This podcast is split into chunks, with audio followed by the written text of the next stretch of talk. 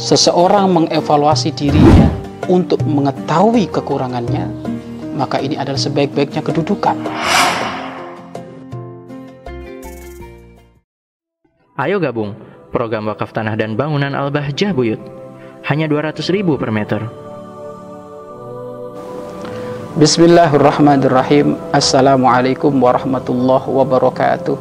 Alhamdulillah Al-Karim Al-Mannan Dzit Tawli wal Ihsan wa sallallahu wa sallama ala khairil anam habibina wa syafi'ina wa qurrati a'yunina wa maulana Muhammad sallallahu alaihi wasallam wa ala alihi wa ashabihi wa tabi'ina lahum bi ihsanin ila yaumiddin. Amma ba'd.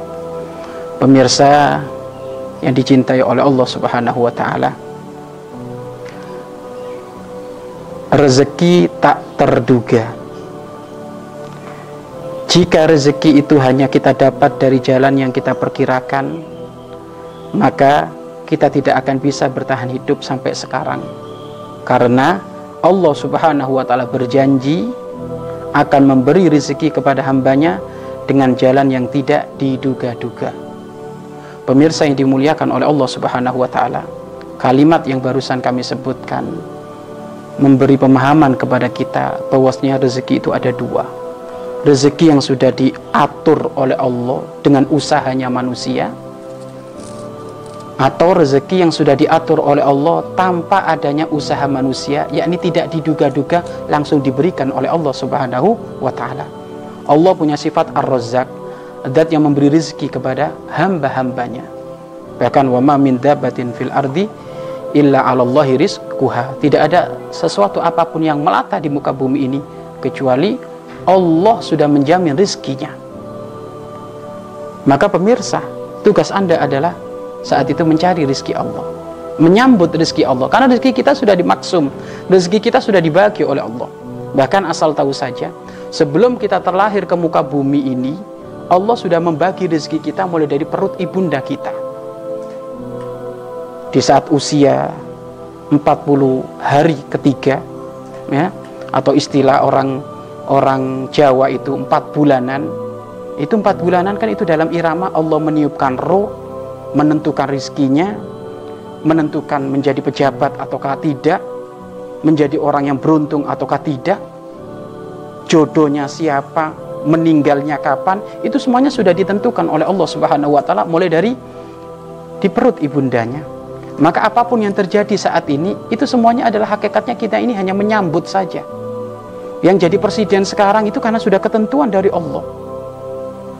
Yang mendapatkan rezeki sekarang bermiliar-miliar itu ya karena sudah ditentukan oleh Allah Subhanahu wa taala. Namun tetap termasuk sunnatullah ya kita dianjurkan untuk ikhtiar. Akan tetapi ingat, di saat ikhtiar pun kadang kita belum dapat rezeki.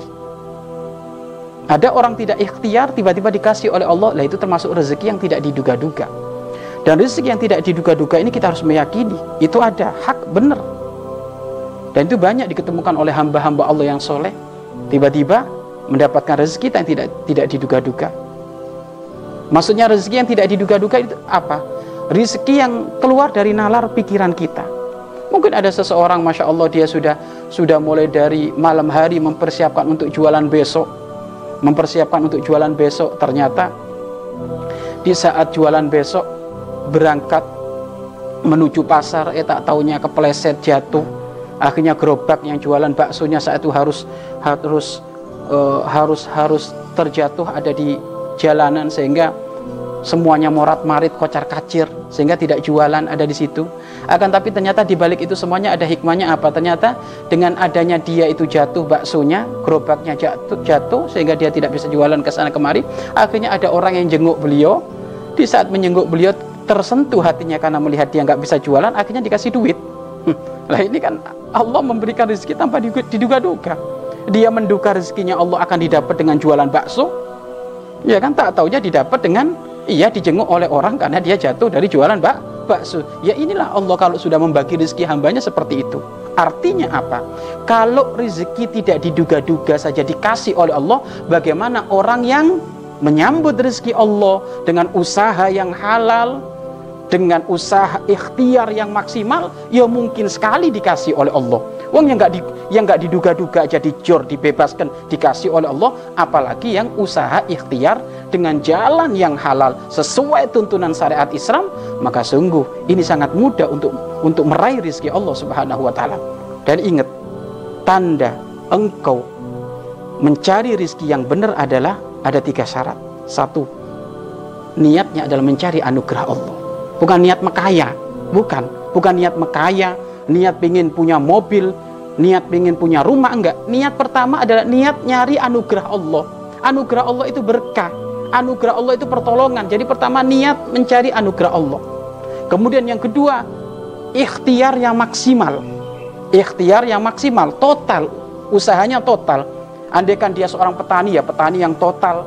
Andaikan dia seorang pedagang, pedagang yang total Andaikan dia seorang tukang nyangkul ya tukang nyangkul yang total. Andaikan dia seorang tukang tukang bangunan dia kerjanya ya total. Kemudian yang ketiga adalah tidak sampai melanggar Allah di dalam usahanya, di dalam pekerjaannya tidak sampai melanggar Allah. Lo kapan ini terpenuhi syarat? Maka dia telah melaksanakan ikhtiar yang halal, ikhtiar yang mengundang keberkahan dari Allah, ia akan dikasih oleh Allah rizki. Pemirsa yang dimuliakan oleh Allah Subhanahu wa taala, ambil rezeki Allah seluas-luasnya. Jemput rezeki Allah seluas-luasnya, baik dengan cara usaha ataukah dengan cara yang tidak diduga-duga. Adapun dengan cara yang tidak diduga-duga ini tentu pemberian Allah yang istimewa, diberikan kepada hamba-hambanya yang soleh, diberikan kepada para kekasih Allah. Maka jika Anda menjadi hamba yang soleh, rindu bangun malam, mengutamakan kepentingan Allah, maka Anda akan menemukan keistimewaan dari Allah mendapatkan rezeki yang tidak diduga-duga. Maka pemirsa yang dirahmati oleh Allah Subhanahu wa taala. Lalu bagaimana tugas kita? Tugas kita adalah menyambut, ambil wilayah mencari rezeki dengan cara yang halal, yang maksimal, maka insya Allah dengan seperti itu pun Allah akan memberikan kepada kita rezeki yang tidak diduga-duga. Dan ketahuilah, orang yang mencari rezeki yang halal dengan niat yang benar, maka itu pahalanya seperti hanya membela agama Allah berperang di jalan Allah. Seorang suami keluar dari rumah untuk mencari, menyambut rezeki yang halal, pekerjaannya yang halal, tidak ada pelanggaran kepada Allah. Sepanjang ia keluar dari rumah sampai nanti pulang dikasih pahala jihad fi sabilillah.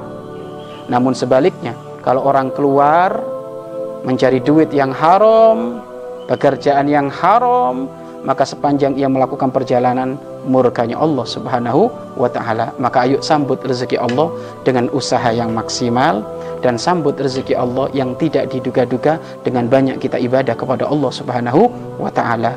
Wallahu a'lam bissawab. Mari berinfak untuk operasional lembaga pengembangan dakwah Bahjah Buyut.